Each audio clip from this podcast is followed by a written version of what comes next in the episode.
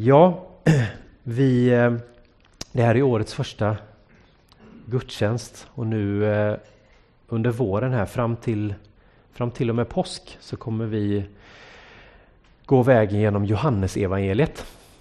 Eh, vi alternerar ju på de här olika evangelierna så nu är det Johannes tur och Johannes som en del av er, ni som är lite bevandrade kanske vet att Johannes är lite lite annorlunda om man jämför med de andra evangelisterna. Det blir ett lite annat perspektiv, lite andra, andra teman, ett annat sätt att berätta, ett annat sätt att skildra Jesu liv och Jesu tjänst. Så det ska bli spännande att följa det.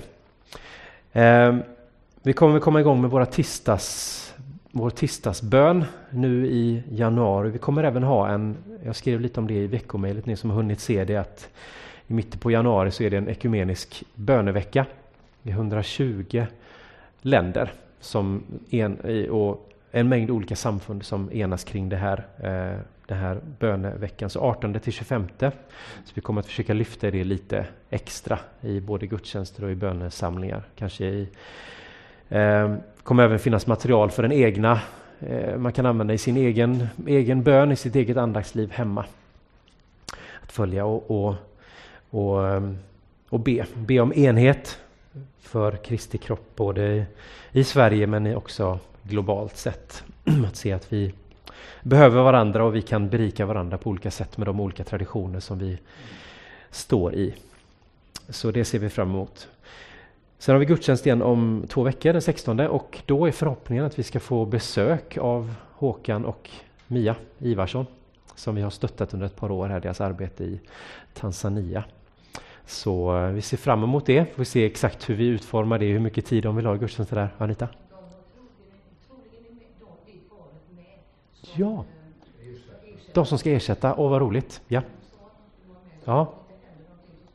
Jättekul. Ja, men det får vi verkligen se fram emot. Så skriv in det i era kalendrar. Det kommer påminnelser också i utskicken här via mejl. Det ska bli kul att få vara med där och få höra om, om det arbete som vi har fått följa och få vara med och stötta och som nu fortsätter då efter Håkan och Mias tid i Tanzania. Så det känns roligt att det, det arbete som de har gjort får nu byggas vidare på, bäras vidare av en annan, ett annat par här. Så det ser vi fram emot. Um, vi ska göra så idag att vi ska, jag har ett, eh, en, vi ska börja här i Johannes evangeliet. Jag har en, en, en predikan som, som jag ska eh, förmedla. Och sen ska vi fira nattvard. Vi är tröt med de här eh, små plastmuggarna så några av er får en lite större. Det är inte säkert att det är en större dos dock, men det är en större, ett större kärl i alla fall.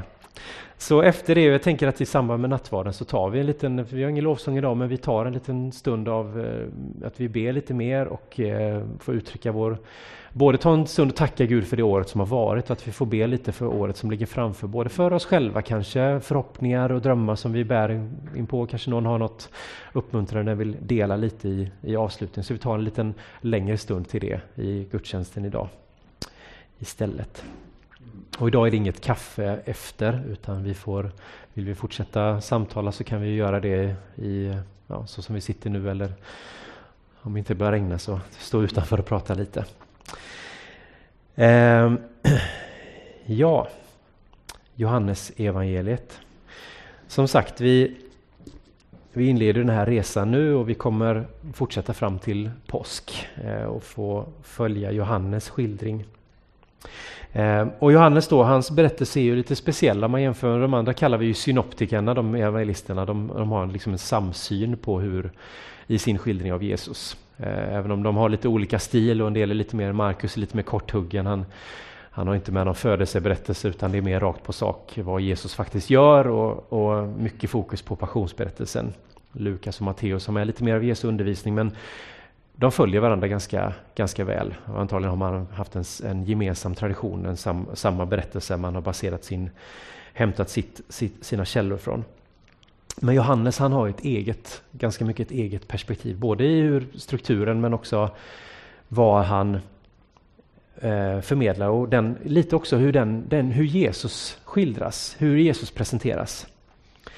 Eh, vi känner ju igen Jesus förstås. Det är den Jesus som kallar lärjungar och som undervisar. Han gör under och tecken. Han går upp till Jerusalem, blir fängslad, eh, torterad och korsfäst och uppstår igen. Hela den här resan så kommer vi att göra eh, utifrån Johannes också. Men med just det här lite unika perspektiv. Unika, ofta speciella möten med enskilda individer som Johannes skildrar på ett särskilt sätt. Och Johannes evangeliet inleds ju med den här prologen som vi läste lite från i adventstiden med ordet som blir kött och tog sin boning ibland oss. Matteus han inleder ju med Jesus släkttavla för att liksom visa vart Jesus passar in någonstans i den judiska historien och visa hans släktskap till Abraham, Isak och Jakob och Rut och David och Salomo så får vi liksom se hur Jesus passar in i en, i en kedja händelser som leder fram till Jesus. Hur Matteus liksom försöker visa att när Jesus kommer in i den här tiden så är det som att liksom, han står i ett långt led av liksom vad Gud har gjort genom historien, genom de här människoödena. Det är personer som vi känner igen och kan läsa om i Gamla Testamentet. Men här möter vi istället, här inleder Johannes istället med den liksom, han nöjer sig inte med att börja med Abraham, Isak och Jakob utan han börjar i tidernas begynnelse, han börjar liksom i evigheten. Det är som att Johannes liksom vill skildra att den liksom kosmiska dimensionen av Jesu liv och Jesu person. Där Matteus vill förankra Jesus i den mänskliga historien så vill Johannes snarare visa på att ja, men det är inte, ja, Jesus han är sann människa men också sann Gud. Medan Matteus kanske ännu mer vill förankra Jesus i det mänskliga och visa att han kommer in och blir kött och blod, han blir en av oss. Ehm, och det säger ju även Johannes i sin, sin prolog där han berättar om ordet som blivit kött och tagit sin boning ibland oss. Det som vi också sjöng i Dagen är kommen, julsången som vi sjöng här på i, för ett par veckor sedan på adventsgudstjänsterna. Och det är ju det som julen handlar om, det är det vi har firat nu de här helgerna som har varit. Hur, hur det gudomliga tar, tar form och blir kött och blod. Och det som har varit ofattbart, ogripbart och tidlöst får ett ansikte får en kropp, får en släkttavla och en historia. Och efter den här prologen, vi kommer att börja precis i början när vi kommer att läsa från Johannes kapitel 1 alldeles strax här. Efter prologen så möter vi först Johannes döparen vars verksamhet har fått många människor att samlas runt honom. Och det är också så många som undrar vem han är. Folk kommer till honom och undrar vem är du? Är du Messias? Och han svarar nej, jag är inte Messias. Är du Elia? Nej, jag är inte Elia. Vem är det här egentligen? De undrar, de kan inte placera in Johannes. De vill ju liksom kunna sätta en etikett på honom. Och vem är du egentligen? Hur ska vi förhålla oss till dig? Ska vi följa dig? Ska vi tillbe dig? Ska du befria oss? Vad är, vad är ditt syfte? Och han svarar då med att citera den här bibeltexten att Nej, men jag är, en, jag är en, en, väg som rop, eller jag är en röst som ropar i öknen, bana väg för Herren. Och det är så Johannes identifierar sig. Nej, jag är inte Messias, men jag är den som banar väg. Den som kommer efter mig. Det är den ni ska följa, det är den ni ska lyssna till. Men Johannes han samlar mycket folk omkring sig, han samlar lärjungar omkring sig och det är där vi kommer in i den här berättelsen. Så vi ska läsa från Johannes 1 och vi ska läsa från vers 35 och en bit framåt. Nästa dag stod Johannes där igen med två av sina lärjungar. När Jesus kom gående såg Johannes på honom och sa Där är Guds lamm. De båda lärjungarna hörde vad han sa och följde efter Jesus. Jesus vände sig om och då, såg, då han såg att de följde honom frågade han vad de ville. De svarade Rabbi, det betyder mästare. Var bor du? Han sa Följ med och se. De gick med honom och såg var han bodde och stannade hos honom den dagen. Det var sent på eftermiddagen. Andreas, Simon Petrus bror, var en av de två som hade hört Johannes ord och följt med Jesus. Han träffade först sin bror Simon och sa till honom Vi har funnit Messias. Det betyder Kristus. Han tog med honom till Jesus. Jesus såg på Simon och sa Du är Simon, Johannes son. Du ska heta Kefas. Det betyder Petrus. Nästa dag tänkte Jesus bege sig därifrån till Galileen. Då träffade han Filippos. Han sa till honom Följ mig. Filippos var från Betsaida, från samma stad som Andreas och Petrus. Filippos träffade Natanael och sa till honom Vi har funnit honom som det står om i Moses lag och hos profeterna Jesus, Josefs son, från Nasaret. Natanael sa Kan det komma något gott från Nasaret? Filippos svarade Följ med och se. Jesus såg Natanael komma och sa, och sa om honom där är en sann israelit, en som är utan svek. Natanael frågade, hur kan du känna mig? Jesus svarade, innan Filippos ropade på dig såg jag dig under fikonträdet. Natanael svarade, Rabbi, du är Guds son, du är Israels konung. Då sa Jesus till honom, du tror därför att jag sa att jag såg dig under fikonträdet. Större ting ska du få se. Och han sa, sannerligen, jag säger er, ni ska få se himlen öppen och Guds änglar stiga upp och stiga ner över Människosonen. Amen.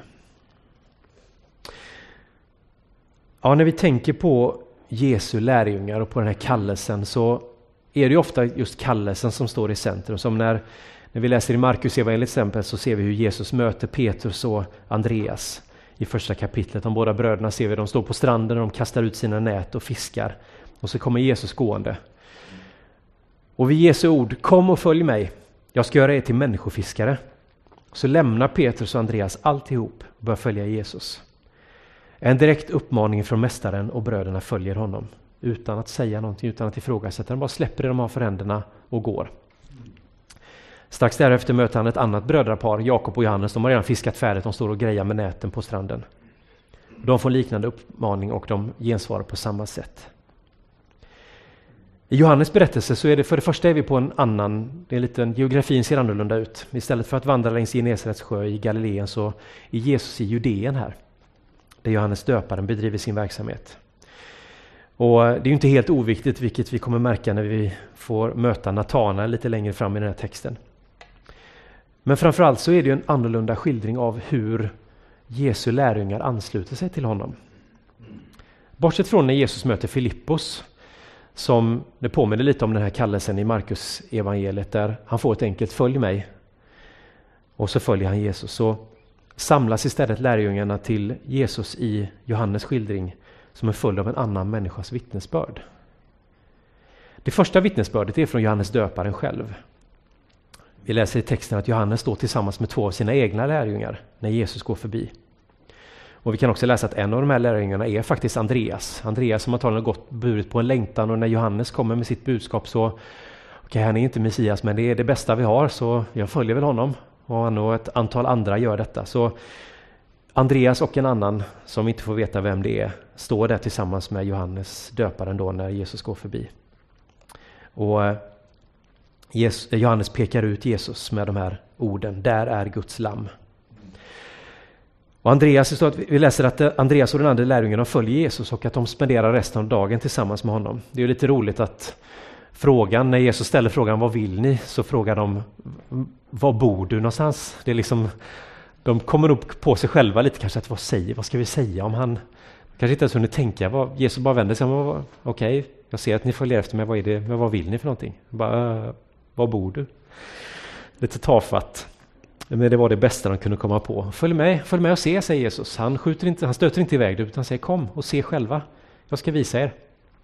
Och så ser vi att de spenderar resten av den dagen tillsammans med Jesus. Så här kan man ju bara så här, ni som är lite, gillar att liksom fantisera och, och, tänka kring de här texterna kan man börja fundera på hur, hur såg det ut? Vad jag menar, hur bodde Jesus? Vad var det för ett ställe? Och hur var det att hänga där? Kom Jesus hem? Ah, jag har inte så mycket i kylskåpet men slå er ner. Jag tog fram, han kanske hade en påse, en öppnad påse chips i, i skåpet och tog lite vatten från kranen och så satt de där och, och småpratade hela eftermiddagen och de bara sög åt sig vad Jesus hade att säga. Vi kan så här inte helt tidsenliga, men vi kan säkert föreställa oss hur det, hur det var det här att få spendera dagen med Jesus. Eh, men det som händer sen, det är att eh, när Andreas sen möter sin bror så gör, berättar han för honom att vi har funnit Messias. Det är inte Jesus som behöver gå och kalla Petrus utan Andreas säger det, vi har funnit Messias. Kom, liksom följ med, vi måste introducera dig för honom, vi måste visa, du måste också få träffa honom. Och så tar han med sig sin bror till Jesus och han får också möta honom. Det tredje vittnesbördet i den här berättelsen det möt, finner vi när Jesus nästa dag står vi att då gör han sig redo att lämna Judeen, då ska han gå till Galileen. Men när han ska göra det så möter han Filippus och kallar då honom med de här orden, följ mig. Och Filippus han, han tvekar inte, han hänger på direkt. Men vi läser också att han möter i sin tur en bekant, Natanael, som, och berättar för honom då på samma sätt som Andreas hade berättat för sin bror, han berättar att vi har funnit Messias. Vi har funnit den som det talas om i skrifterna. Och på samma sätt så uppmanar han sin vän, kom med och se själv vem det här är. Det är liksom ingen vanlig så här volontärprocess där Jesus sätter upp en lapp på synagogsdörren och säger Hej, jag, är, jag söker folk som vill hänga på. Vill du vara med, skriv upp det här eller vi, vi har en informationsträff för intresserade på tisdag eftermiddag.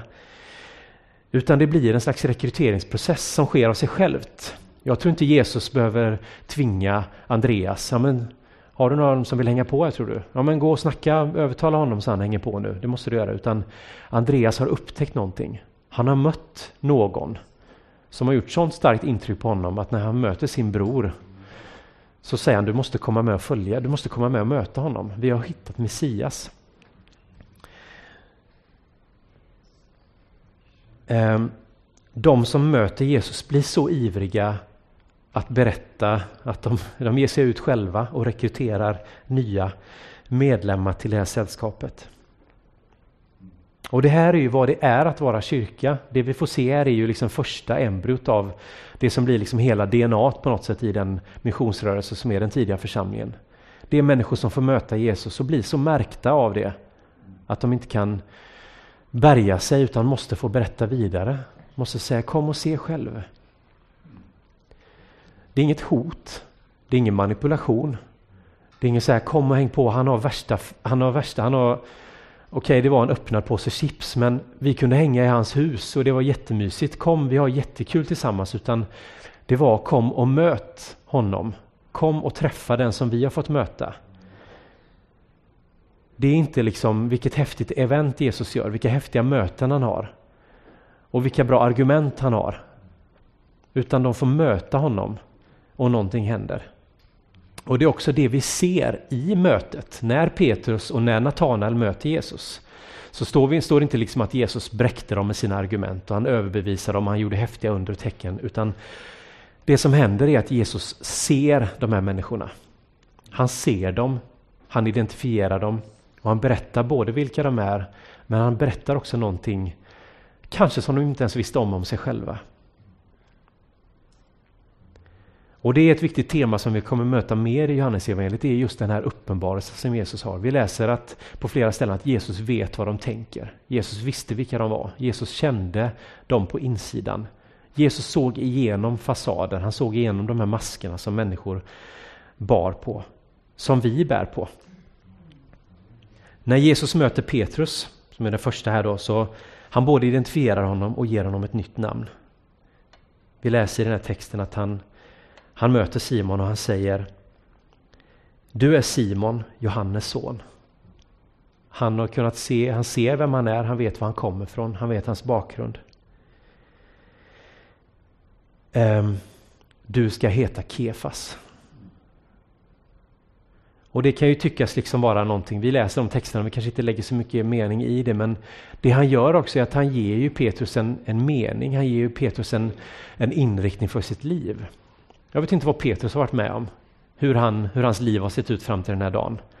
Han kanske är den här stabila, den liksom navet i sin vänskapskrets. Han är den som håller ihop familjen, han är den som ser till att alla är med. Han kanske är den redan. Men när Jesus möter honom så säger han, du ska heta Kefas. Du ska vara klippan. Du är den som ska stå där och hålla fast vid mig ända till slutet. En föraning kanske om vad som kommer sen när vi läser slutet av Johannesevangeliet när Petrus får den här profetian över sig att du kommer, bli, du kommer få lida martyrdöden. Du kommer få gå i döden för mig. Du kommer bli ledd mot din vilja. Du kommer få bära ett kors. Redan där ser Jesus potentialen i Petrus och säger det till honom. Du ska vara klippan. Du ska vara den här fasta punkten. Du ska vara den som kommer stå upp som ledare för den här, det jag vill göra. På samma sätt så sker ett slags identifierande och ett avslöjande också i mötet med Natanael. Den Natanael som vi möter här, han är en riktig cyniker.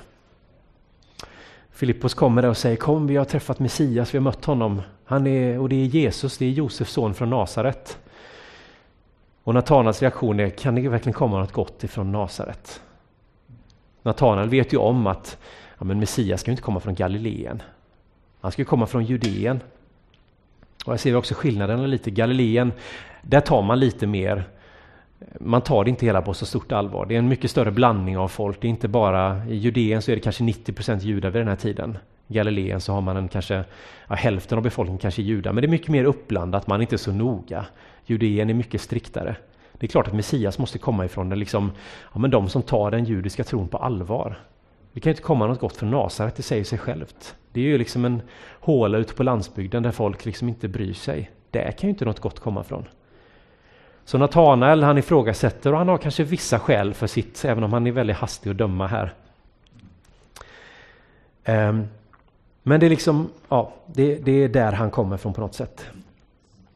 Kan det komma något gott? Men när han kommer där med all sin skepsis och får möta Jesus så säger Jesus det som han ser bakom den här cyniska fasaden. Så säger han, där är en sann israelit, en som är utan svek.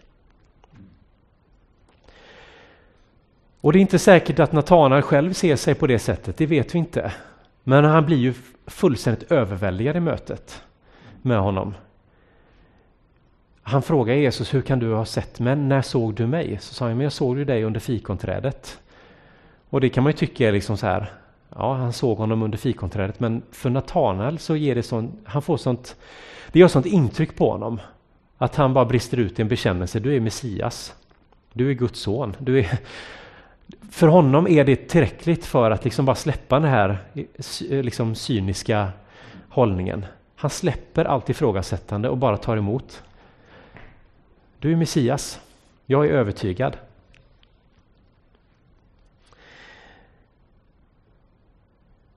Och jag tror att ett av de mest grundläggande mänskliga behoven det är att få bli sedd. Det är att någon ser en för den man är. Lasse Freiman han predikade här i höstas om det här om, utifrån texten om, om Hagar som fick sonen Ismael tillsammans med Abraham. Han lyfte flera exempel från bibeltexten om människor som blev sedda av Gud. Han läste om Sakaios, han läste om, om Hagar då, som gav Gud det namnet, du är Herren som ser. Den som ser och som bekräftar. Människor som blir sedda av Gud och som blir förvandlade i det mötet med Gud. Och Jesus såg de här människorna, de här männen han mötte där. Han såg Petrus, han såg Natanael och han ser dig och han ser mig. Jag vet inte hur du ser på dig själv, vad du använder för ord för att beskriva dig själv. Jag vet inte om Natanael gick och slog sig själv för bröstet och sa jag är en sann israelit, hos mig finns inget svek. Han kanske satt där under fikonträdet, han kanske var en liten esling. Han kanske kände att nej, men jag, Nej, jag vet inte. Det är inte mycket med mig kanske.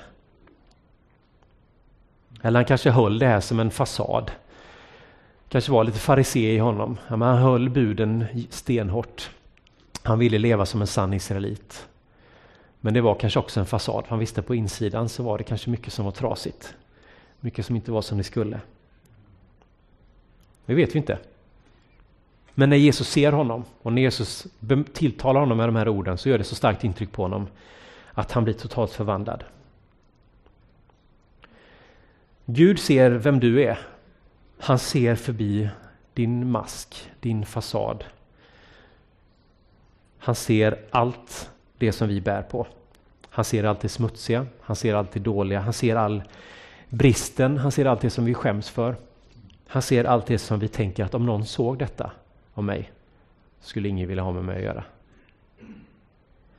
Han ser också allt det där fina, allt det vackra, allt det som du tycker är ingenting. Men som du har där innan, på insidan. Han ser det där som är sant och äkta. Som vi av olika anledningar döljer för varandra, för vi tycker att det där är ingenting att ha kanske, det är ingenting att visa upp. Jag gömmer det bakom en fasad av ifrågasättande kanske, eller en fasad av cynism, eller en fasad av eh, ja, lättsamhet kanske, vad det nu kan vara. Vi har olika sätt att hålla vårt sanna jag borta från vår omgivning. Men Jesus ser igenom den fasaden. Och han vill uppenbara den. Det finns sanningar om oss själva som vi inte själva känner till, men som Jesus vill uppenbara. Som sagt, vi ser inte Simons reaktion, Vi ser Natanaels reaktion, han blir överväldigad.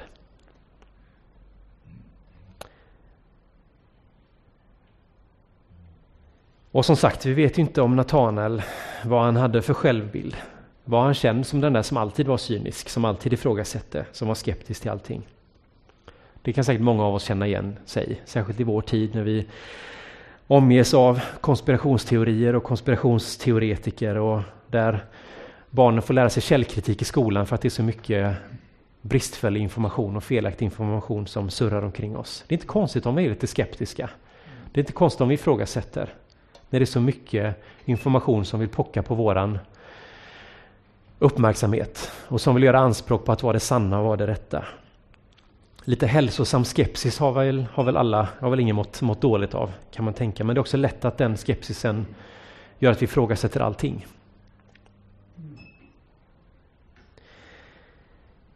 Men Jesus vill visa sig för oss, Jesus vill möta oss. Och i det här mötet med lärjungarna så uppenbarar också Jesus någonting för sig av sig själva. Det sker ett slags gensvar i det som Jesus gör när han möter, möter med dem där. Natanael svarar, hur kan du känna mig? Hur kan du se mig? Hur kan du, hur kan du ha sett mig? Men innan Filippus ropade på dig såg jag dig under fikonträdet. Vi kanske har våra egna fikonträd som vi gärna sitter under och gömmer oss under. Men Jesus ser oss där vi är. Och det är en förutsättning tror jag. Vi längtar ju efter att möta Gud. Vi längtar efter att kanske se mer liksom av Guds avtryck i våra liv och i vår omvärld. Att se att Gud rör sig och Gud gör någonting. Men om vi håller Gud på en armlängds avstånd hela tiden så blir det också svårt att gensvara på, den, på det. Gud ser oss, vill möta oss, vill se på oss med sin kärleksfulla blick. Men för att vi ska kunna ge tillbaka den, det seendet, kunna se tillbaka, blicka tillbaka på Gud, så måste vi också ta emot den blicken som Gud ger oss. Vi måste också vara öppna oss för Gud. Och det kanske låter som att det är krångligt eller svårt eller alldeles för enkelt, men det är det det handlar om. Öppna oss för Guds kärlek, öppna oss för att bli sedda av Gud. Våga vara oss själva inför Gud. Och en aspekt av att våga vara oss själva, det är också att våga vara oss själva inför varandra. Att öppna upp och bli sedda. Så att vi kan reflektera tillbaka, blicka tillbaka på Gud. Bli sedda på djupet så att vi kan se tillbaka på Gud. Natanael gör ju något annat där också i sitt möte, framförallt i sitt samtal med Filippus där när han ifrågasätter, när han redan har satt en etikett på Jesus. Han har redan innan, utan att ens ha mött Jesus, har han ju dömt ut honom som någonting som, det kan ju inte komma någonting gott från Nasaret. Jag tror också vi ofta brister kanske. Vi dömer ut saker, vi sätter etiketter, vi kategoriserar människor och företeelser. Oss själva. Sån här är jag. Ja, men jag är en förlorare. Ja, men jag är en som aldrig liksom, jag, jag, jag följer aldrig upp på det jag har lovat. Jag brister alltid. Jag kan inte hålla tider.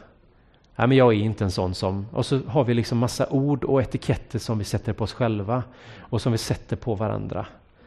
Och de kan vara så fruktansvärt svåra att bli av med. Men där tror jag att om vi låter liksom, Guds kärlek få möta oss, om vi låter liksom, Gud blicka in i våra liv, om vi vågar vara ärliga inför Gud och vara ärliga inför varandra så kan vi också få komma förbi de här etiketterna och kanske se på oss själva på det sanna sätt som Jesus gör i de här mötena. Det Jesus identifierar och säger som det är. Du är den och den. Du är inte något annat, utan du är det här. Och måtte det året som ligger framför få bli en ett år då Ja, vi kanske drömmer om en massa saker. Jag är jättenyfiken på att få höra vad ni, vad ni tänker och vad ni förväntar er. Vad har ni för förhoppningar på året? Ni kanske bara hoppas att, bara bara, men hoppas att den här pandemin släpper någon gång. Hoppas det kan bli lite som vanligt igen. Hoppas vi kan slippa fler av de här vågorna som kommer. Och det är väl en god önskan. Men jag tänker för våra egna liv också. Att vi kunde kanske få bära med oss en önskan om att jag vill vara lite mer ärlig. Jag vill vara lite mer Jag vill vara lite mer den jag är. I år vill jag bli lite mer den som jag är, den som Gud har tänkt att jag ska vara. I år vill jag att mer av mitt sanna jag ska få lysa igenom. Jag hade lite tankar idag att så här, det är nyår, då borde man ha någon så här, så här vision inför 2022. Det här ska bli året och vi ska ha ett ledord för det. Här är liksom temat för detta året. Men jag känner att om vi kan landa i att liksom mer och mer, ja men tänk om vi kunde få bli mer oss själva. Så kan det väl få vara en vision för detta året.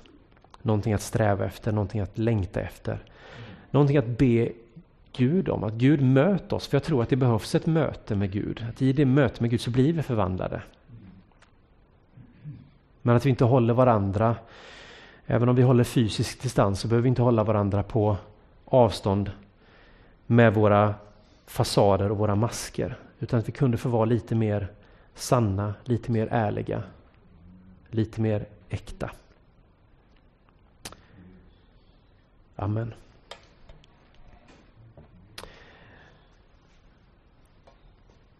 Herre, jag ber för det här året. Jag ber för dagar, veckor, månader som ligger framför. Vi vet inte vägen framåt exakt hur den ser ut. Det kan vi inte veta utan vi får ta varje dag som en gåva ifrån dig och leva den så bra vi bara kan.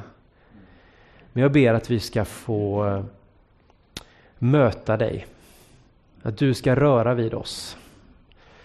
Att vi ska våga släppa dig in på livet. Så att vi kan våga släppa andra människor in på livet. Att vi kan få vara goda nyheter för den här världen. Därför att vi får vara en gemenskap där man kan få komma och vara sig själv. Att här, vi som samlas här, vi möts inte för att vi har allting Liksom, vi har inte alla pusselbitar på plats. Eller vi har det välstädat i våra hem, både bildligt och bokstavligt talat. Utan vi möts här därför att vi är människor som har fått möta någon. Vi har fått möta Messias. Vi har fått möta Frälsaren. Vi har mött Jesus.